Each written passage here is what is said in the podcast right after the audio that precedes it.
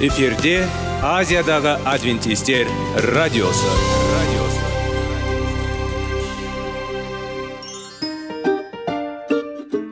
Сәлем достар. Денсаулық өмір бұлағы және біздің бірінші байлығымыз демекші денсаулық сағаты рубрикасына қош келдіңіздер. Біздің рубрикада біз әртүрлі факторларменен мәліметтерменен кеңестерменен бөлісіп шын жүректен сіздердің дендеріңіз сау болғанын қалаймыз. Сол үшін біздің рубрикаға қош келдіңіздер. Дайындалып тұрыңыздар. Өйткені келесі минуттарда қызықты фактілерге ие боласыздар. Енді достар ең бірінші байлығымызды қолымызға алып алға кеттік.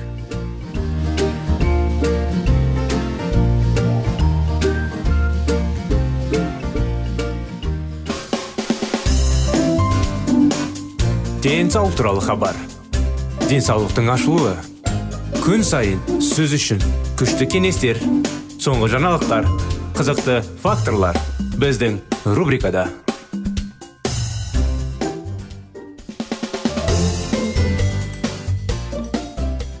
сәлем достар армысыздар құрметті біздің тыңдаушыларымыз. Денсаулық сағат бағдарламамызға қош келдіңіздер. Сіздердің назарларыңызға қытай зерттеулері тақырыбын біз ары қарай жалғастырамыз. Жануарлардың ақауызы мен кальцийдің көп мөлшері бір уақытта қандай тағамнан тұрады? Сүт және басқа да сүт өнімдері.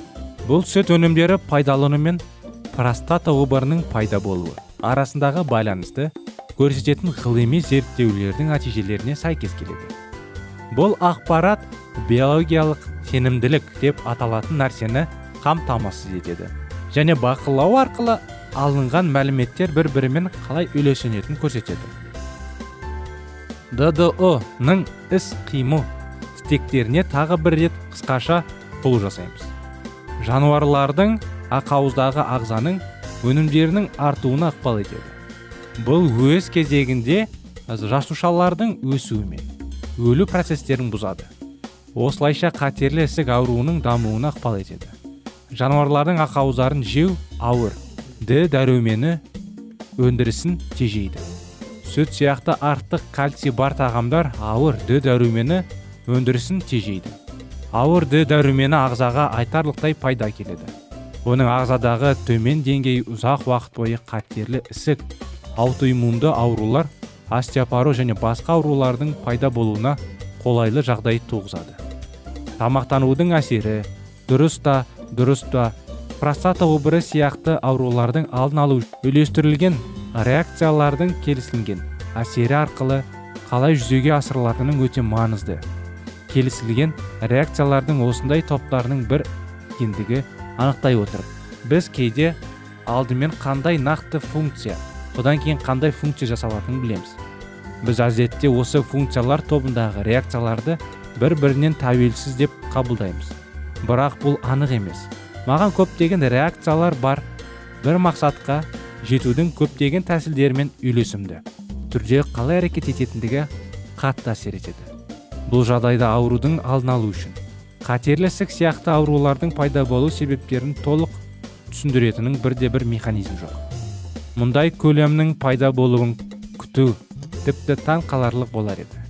Бірақ мен сенімдімін нақты келістеген реакцияларға негізделген дәлелдердің толықтығы мен тереңдігі сүт және өт ет өнімдерінің тұну простата қатерлі ісігінің даму қаупінің маңызды факторы деген тұжырымды растайды. Қорытындылау.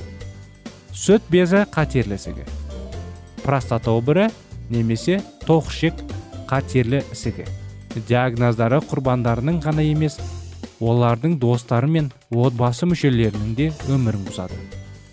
Менің қайненем елу бір жаста тоқішек қатерлі ісігінің қайтыс болған кезде біздің ешқайсымызда тамақтану және оның денсаулыққа маңызы туралы ақпарат болған жоқ. Бұл бізді жақын адамдарымыздың денсаулығы мазаламағандықтан емес әрине олай болмайды. Бізде қажетті ақпарат болмады. Алайда 30 жылдан кейін аз өзгерді. Сізде қатерлі ісік ауруымен ауырады. Немесе аурудың пайда болу қаупі бар қанша адам сіздің мүмкіндігіңізді арттыру үшін. Бүкіл өсімдік өнімдерімен тамақтануға көшу мүмкіндігі туралы ойлайды менің ойымша өте аз. Мүмкін оларда қажетті ақпарат жоқ. Біздің институттар мен ақпарат көздері бізді сәтсіздікке ұшыратады. Сонымен қатар ұлттық және жергілікті деңгейдегі онкологиялық аурулармен күрес жөніндегі арнайы ұйымдар да бұл дәлелдерді талқылауға немесе тіпті оларға сенуге құлықсыз азық түлікке денсаулықты негізгі факторы ретінде қарау. Бұл дәрі дәрмектер мен хирургиялық әдістерге негізделген дәстүрлі медицинаға шақыру. Жалпы тамақтану саласындағы мамандардың ғылымдар мен дәрігерлердің өзара байланысы бұл дәлелдер туралы білінмейді немесе оларды жариялағысы келмейді. Бүгінгі таңда дәрігерлер қатерлі ісік ауруының алдын алу және емдеу әдісі ретінде диетадағы өзгерістердің мүмкіндігін талқылау үшін жеткілікті дәлелдер бар. Сүт безі. Обырына қарсы күрес жөніндегі жергілікті ұйымдарды.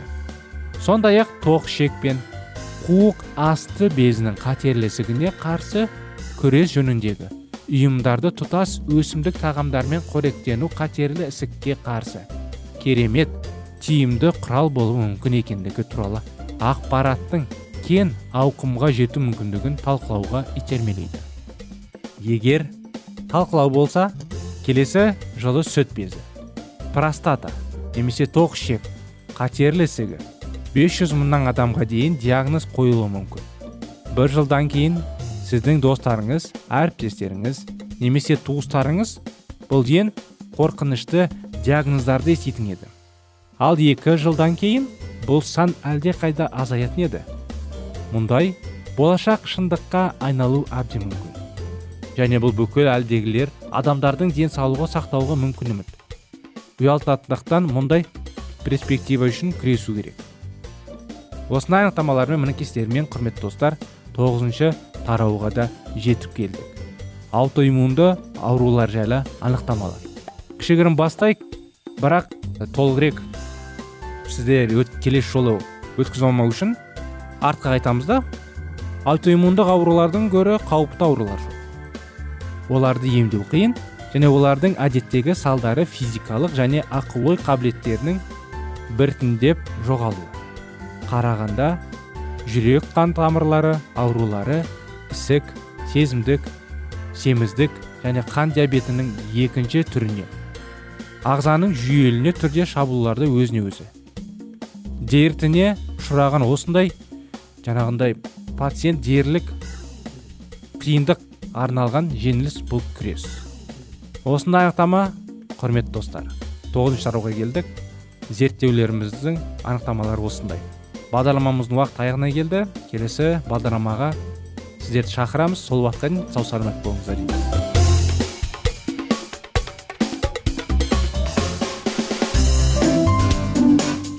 Денсаулық туралы хабар. Денсаулықтың ашылуы. Күн сайын сөз үшін. Күшті кеңестер соңғы жаңалықтар қызықты факторлар біздің рубрикада.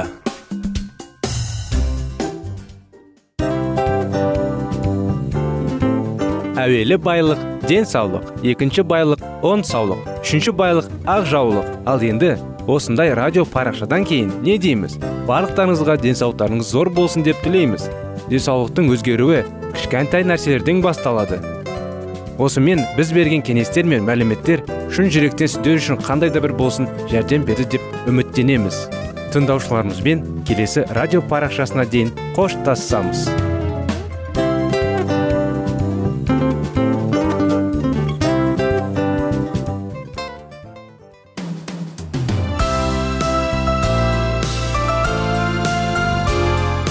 эфирде азиядағы адвентистер радиосы радиосы.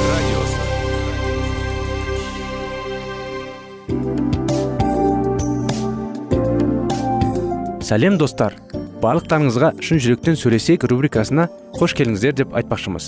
Шын жүректен сөйлесейік бағдарламасы әртүрлі қызықты тақырыптарға арналған. Шындығында шын жүректен сөйлесейік деген сөздің мағынасы екі достың екі адамның ортасындағы шын жүрекпен сөйлесуі бір біріне сенуі ашықтық пен шындықты білдіреді. Сол үшін біздің бағдарламалар әртүрлі қызықты тақырыптарға арналған. Дайындалыңыз жаңа қызықты мәліметтерге ие болуға. Ондай болса кеттік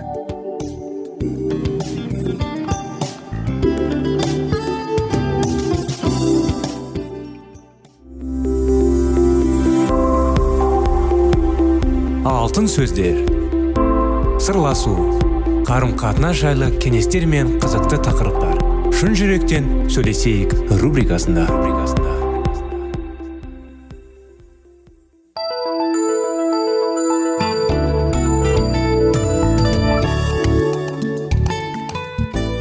Армысыздар құрметті достар құрметті біздің радио тыңдаушыларымыз. Сіздермен бірге шын жүректен сөйлесейік бағдарламасы. Сіздер назарларыңызға 25 керемет неке оқиғасын жалғастырудамыз. Жүріңіздер бірге жүгінейік. Некелерді не екенін қандай қиындықтар бар екен оның қиындықтарды қалай төзіп өтуге қалай керемет бақытты жанұя болуға анықтамалар алайық. Менімен бірге болған жігіттерді жүгіштер деп айта алмасам да демек құдайдың сөзі шындық екенін түсінейік. Мен олармен біртұтас болдым да. Сонымен күйеуімнің некенің келісімін жасаған едім. Олармен әрбір кездесу және айырылатын сәттерде менің жан дүниемнің бөлшектерге қан айырылатыны соншалықты. Ең соңында жыныстық қатынас байланыстарымның нәтижесінде өзімнің пәктігімді адалдығымды бүтіндігімді жоғалттым. Алайда егер біздің жыныстық қатынасымыз тазалығымыз ласталған және жоғалған болса соны жаратқан ие ғана қалпына келтіре алды. Тек құдай ғана армандаған нәрсені киелі әрі таза қыла алды. Тек ол ғана бізге бастарымызға шашқан күл орнына әшекейлі тәж кигізе алды. Егер сенің жыныстық қатынас өткен азғындықпен сансыз төсек қатынастармен жаңағындай және бір неше түрлі ұятсыздық нәрселерге апарым армандап қоздырылған болса мына қалпына келтіру мұнажатпен дұға етуге тағы да ұсыныңыз. Өзіңізді рухани дайындап тек жұбайыңызбен немесе жақын досыңызбен не рухани жетекшімен не болмаса киелі рухтың көмегімен бірге мінәжат етіңіз. Сіз дауыстап былай мінәжат етіңіз. Көктегі әке менің күнәларымды құның өтуге өзінің рухани ұлыңды жіберген үшін алғыстарымды білдіремін. Мен мәсіхпен тығыз байланысып екенің барлығы өтіп кетіп енді жанасы пайда болды. Қорынтарға арналған хатында жазылғандай иса мені таза мен әділді ету үшін өз мойнына күнәларымды енді мен таза адаммын. Мен өзімді де ата бабаларымның да барлық жансыздық күнәларын армандаулықтан азғындықтан әрі төсек қатынас талай рет жасағанымнан бас тартамын жасаған күнәларымдықты құдайдың алдында аттарын айтып оның алдында солар айтуға ұялмаңыздар. Оған бәрі айқын. Ол сіздің жасаған күнәларыңызды біледі де солардың азат етуді қалайды. Содан дайын болғанда жалғастырып мінәжат етіңіз. Әке рухани семсеріңді алып барлық ласталған жыныстық қатынас және ішкі жан дүниемнің байланыстарын үзіп кесіп тасташы өтінем. Келу рухты тыңдап кез келген естіген атын айтыңыз. Сіздің ұзақ уақыт қарым қатынасыңыз болмаған. Бірақ тек жұбайыңызбен немесе құтқарушыңызбен болуға тиісті олармен әсерлену жағынан немесе тән жақындығымен байланысты болсаңыз сол адамдардың аттарын естуіңіз әбден мүмкін. Сіз әрбіреуінің атын атап шыққаннан кейін былай мінәжат етіңіз. Әке осы адамдардан жан дүниемнің әр бөлшегімді алу үшін өзімнің періштелеріңді жібере көрші. Өзіне арналып ұнамды өмір сүру үшін әрі өзімнің таза болу үшін. Келі рухың арқылы солардың барлығын қайтарып бер көр әке мен бұзылған өмірімнен бас тартамын көз алдыңда ұнамсыз азғындықты елестетіп жүргенім үшін кешір сұраймын. Сабыр негізделіп арам нәрселерге көз салмауға және жүрегімді таза ұстауға уәде беремін. Мен кез келген арам рухардан бас тартамын және де оларға өмірде әсер етпеуге бұйырамын әке менің исаның киелі қанымен тазартушы. Өйткені соңына ғана бізді құтқаруға және тазалауға құдіреті жетеді. Өзімді келі үй болуға арнаймын да осы келі үйдің рақына рухынан жан дүниесіне әрі денесінен әрбір ластауына алып таста мен киелі рухмен толтыра көр маған дайындаған барлық игіліктеріңді көріп есту үшін көзімді әрі құлағымызды аша көр. Мен сенің меншігімнің сенің еркін өміріңде орындалсын. Аумин. Күйеуімнің өз туралы әңгімесі де бар. Мен үйленбей жүріп келешектегі әйелім үшін өзім таза ұстап жүргенмін. Бәйдеп сүртті көруге және өзіме жаңағындай жыныстық қатынасыма қол жұмсап құмар болып соған тәуелдедім. Үйленгенімден содан толық азат етілмеген деп жүріп осы құмарлық некеге кіргіздім. Содан аш азат бола алдым. Некеге тұрғанымнан көп жылдан бері осы нәпсі құмарлықты қарсы тұруға қатты тырыстым да.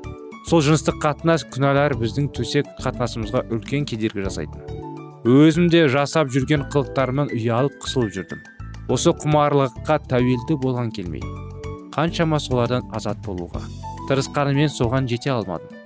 Мен өзгерістер болса екен деп қатты аңсап жүрдім. 1984 жылы мен қауымға келген қонақтарды күтіп алатын бір күні мен өзім қатты сыйлайтын бір құдайдың қызметшісіне не нәрсемен рухани күресіп жүрген туралы айтып бердім. Сол кісі адамдарға рухани азаттыққа жетуге ерекше қызмет ететін. Мен іштей маған азат болуға осы кісіден басқа ешкім көмектесе алмас деп ойлап оған барлығын айтып бердім. Ол маған күтпеген жауап берді. Соны доғар деп айтты. Сен мұны тас туық керек деп қорытынды шығарды. Мен оған жақсы қоямын дедім де мен үшін мұнажат етіңіз де өтініш жасадым әлгі кісі мен үшін мұнажат етті де бірақ ештеңе болмады. Соңында мен мүмкін маған сол қызметшінен күші басқа адам көмектесетін шығар деп ойлап едім. Бірақ тағы басқа біреу бар ма жоқ па ойыма ешкім келмейді. Өзімді осы күнәға әбден батып кеткенімді сезіндім. Тоғыз айдың шамасында менің досым өз үйінде біраз тұруға маған рұқсат етті. Мен оның үйінде тек бір мақсатпен яғни азат болуға келдім. Уа құдай мен азат болуға тиісімін деп келіп едім. Сол күні 6 мамырда 1985 жылы мен керемет жолмен азат етілдім.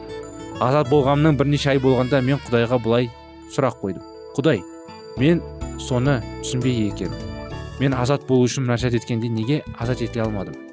Мен құдайдың қызметшісіне күнәларымды ашық мойындау үшін күш салғанымды бәрі бекер еді ме бұл сұрақтың жауабын әрине келесі жолы жалғастырып естиміз.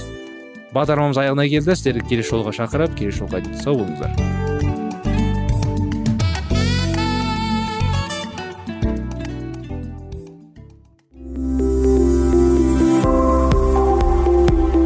Алтын сөздер. Сырласу. Қарым қатынас жайлы кеңестер мен қызықты тақырыптар. Шын жүректен сөйлесейік рубрикасында.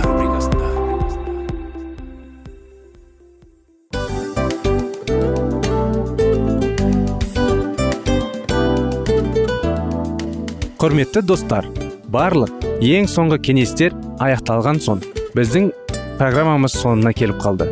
Осы біздің мәліметтер осы рубрикада айтылған әрбір сөздер сіздерге өзінің қандай да бір пайдасын алып келді деп шын жүректен сенеміз. Және бұдан да көптеген рубрикаларымыз бар.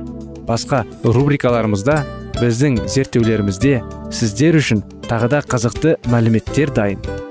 Біздің шын жүректен сөйлесейік парақшамызда көптеген әдістер ең соңғы кеңестер адамның нравственность жақтан моральдық жақтан тазалап байыта тұрған соңғы кеңестердің барлығын жанарады. Сондықтан алдыңғы күндерде бізбен бірге болыңыздар. Өйткені барлық қызықтар алдыда. Бізбенен бірге болғандарыңызға үлкен рахмет. Келесі кездескенімізше сау сәлемет болыңыздар.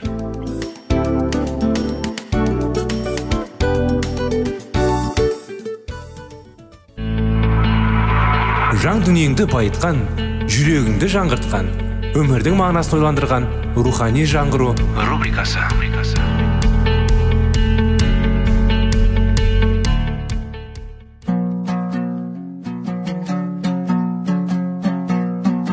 Ассалаумағалейкум біздің тыңдаушыларымыз. Келі кітаптың шындығын ашып берген қысқа бағдарламасына қош келдіңіздер. Барлығынан жоғары жаратушы біздің қарыңғылықта жалғыз қалдырып қойған емес. Өйткені ол келешекте не болу керек екенін киелі кітаптың парақтарында ашып береді. Немесе келіңіздер бізге қосылыңыздар. Жаратушы бізге нен ашып бергенін зерттейміз. Осылайша алла күнәнің көзін мәңгілікке жояды. Жаршы былай дейді. Халықтарды сөгіп зұлымдарды жоқ қылдың. Есімдерің мәңгілікке өшіріп тастады. Жау қару жарағынан жұда қалып жойылды. Сен қайратқан қалалар із түссіз жоғалды. Аспаннан шыққан барлық ғалам орындаған мадақтау әнұраның өз құлағымен естіген жохан пайғамбар бірде бір жалған дыбыс оның ырғағын бұзған жоқ дейді. Көктегі де жердегі де жан иелері құдайдың қасиетті есімін мәңгілік мадақтайтын болады. Ал мәңгілік дозақ немесе адамның жаны ешқашан өлмейді деген доктриналардың ешбір негізі жоқ. Бұл киелі кітапқа қарама қайшы келетін ілімдер. Айтулы доктриналар бойынша адам өлісімен аспанға келіп жерде не болып жатқанын бақылап отырады екен. Әсіресе жақындары мен жолдастарына көбірек көңіл аударады. Сонда олар жердегілердің жасап жатқан күнәларын шегіп жатқан азаптарының көре тұра өздерін қалай бақытты сезінеді. Тәубасынан келмеген адам демі таусылмасын таусылысымен дозаққа барады деген қалайша ашуланбайсың. Достарының өлімге дейін болмағандығының салдарының олардың дозақ отына түсінгені білдегендерден жандары қаншалықты түршілігінің айтып жүргізу мүмкін емес. Мұндай ойдан кейбір адамдар естерінен адасып кеткенде болатын. Бұл жөнінде келі жазба не дейді екен? Дәуіттің айтуынша адам өлгеннен кейін санасын жоғалтады. Кеудеден шын шыққан жан шыққан күні дене жерге тапсырылады. Оның санасы өледі. Сөйлемен патша бұл пікір растайды. Өлген күні адамның махаббаты да өшпенділігі де қызғанышы да жоғалады. Ол жер бетінде не болып жатқанын сезбейді. Өйткені молада жұмыс та жоқ ойлану да жоқ білім де жоқ даналық та жоқ. Езекел патшаның өтініші бойынша құдай оның өмірін 15 жылға ұзартқанда ол құдайдың есімін мадақтаған болатын. Сені мадақтайтын жердің түбі емес өлімде емес көрге түскендер де емес тірі жандар ғана. Қазіргі мен секілді олар сені мадақтайды есіміңді ардақтайды деген еді. Кен тараған теология бойынша өлген тақуалар көкке бірден жетіп барады. Бірақ езекел болса өлімнен ондай жарқын болашақты көре алмады. Забур жырыны да үнсіздердің еліне аттағандар құдайды мадақтай алмайды деп жазылған. Елулік күні петр дәуіт бабамыз өліп жерленген және оның табыты әлі күнге осында деген болатын. Себебі дәуіт көкке көтерілген жоқ. Ол жерленген күннен бері көрде жатыр. Тек мәсіх қайта тірілгендіктен ғана дәуіт те қайта тіріліп көкке көтеріле алады. Исаның шәкірті паул былай дейді ешқандай қайта тірілу болмағанда мәсіх те қайта тірілмес еді ғой. Ал егер мәсіх тірілген болса сендеріңнен еш пайда болмай күнәларың әлі де мойындарыңда қала береді еді сондай ақ мәсіхке сеніп қайтыс болғандар тозақта түседі еді. Егер өлгендер орындарынан тұра салып көкке жетіп баратын болса онда мәсіхтің өлімінің мағынасы болмағаны ғой.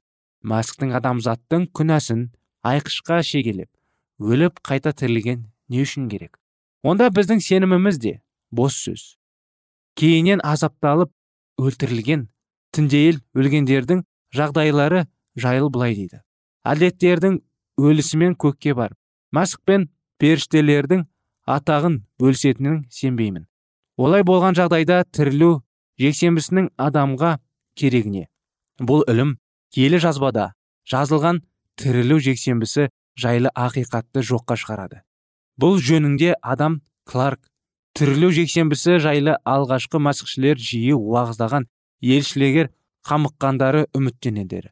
Отыра бұл ақиқатты олардың естеріне жиі салуға тырысқан. Алғашқы мәсіхшілер тірілу жексенбінің болатынын мықты сенген.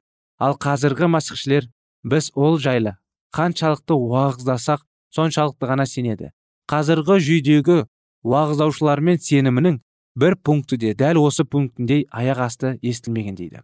Бара бара қайта тірілу жексенбісі жайлы ақиқат жасырын қалады және мәсіхшілер әлемі оны жоғалтып ала жаздады көрнекті діни жазушылардың бірі елші паулдың сөзіне өзінше түсініктеме бере отыра.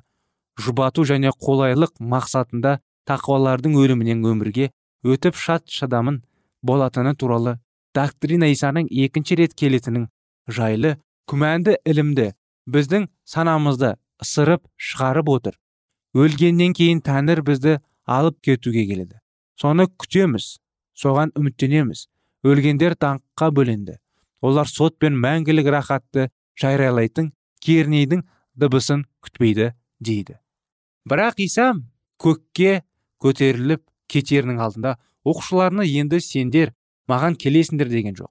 Мен сендерге орын дайындауға барамын. Сосын сендер де өзім болған жерде болуларың үшін келіп сендерді алып кетемін деп болатын. Әрі қарай елші паул содан кейін хабарланып бас періште дауыстап кернейдің үні шыққаннан соң мәсіхке сеніп өлгендер бірінші болып оянады. Сонан соң тірі қалған біздер солармен бірге аспанға тәңірімізге қарай көтерілеміз. Солай құдаймен мәңгі бірге боламыз. Осы сөздерді айтып бар бірлердің жұбанатындар деп өзін жалғастырады.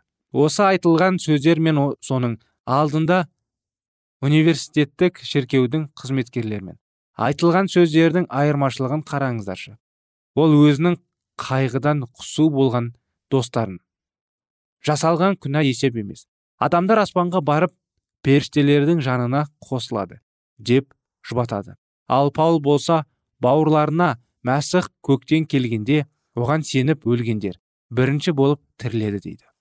Жұмаққа кірмес бұрын әрбір адамзат баласының өмірі қатан тексерістен өтеді.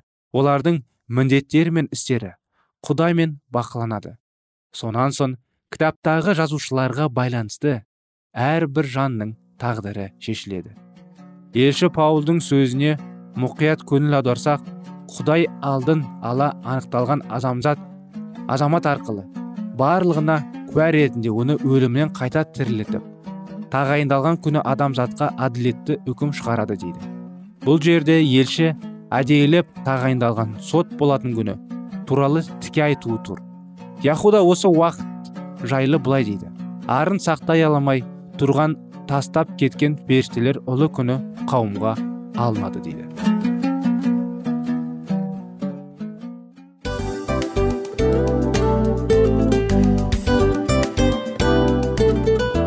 Достар біздің радио парақшамыз өзінің соңына келіп те қалды. Демек бұл программамыздың қорытындысын айта кету керек. Негізі істің басталып жатқанын қуанту керек пе? Әлде оның қорытындысы қуанту керек пе? Сіздер қалай ойлайсыздар? Меніңше қорытындысы деп ойлаймын. Себебі жасаған ісінің жемісін көріп қорытынды арқылы бағалап жүрегін қуантады. Баяғыда айтқандай бидайды сепкенде емес бидайдың жемісін жинаған кейін ыстық нанды жегенде кәдімгідей рахаттанасың ғой. Осымен біздің бағдарламамыздың аяғында тыңдаушыларымыз қандай пайда алды екен деген ойдамыз. Егерде өткен сфераларда пайдалы кеңес алған болсаңыз біз өзіміздің мақсатымызға жеткеніміз. Бүгінгі 24 сағаттың алтындай жарты сағатын бізге бөліп ардағаныңыз үшін рахмет. Келесі кездескенімізше қош сау болыңыздар. Достар біздің бағдарлама бойынша сұрақтарыңыз болса әрине сіздерге керекті анықтама керек болса біздің whatsapp нөмірімізге хабарлассаңыздар болады. Плюс бір үш жүз бір жеті жүз алпыс алпыс жетпіс. Иә достар сіздер қателеспедіңіздер бұл біздің номерлерге ұқсас болмаса да бұл whatsapp номер арнайы. Хабарласыңыздар сұрақтарыңызды қойып тұрыңыздар. Анықтаманы алып тұрыңыздар. Плюс бір үш жүз бір жеті жүз алпыс алпыс жетпіс whatsapp номері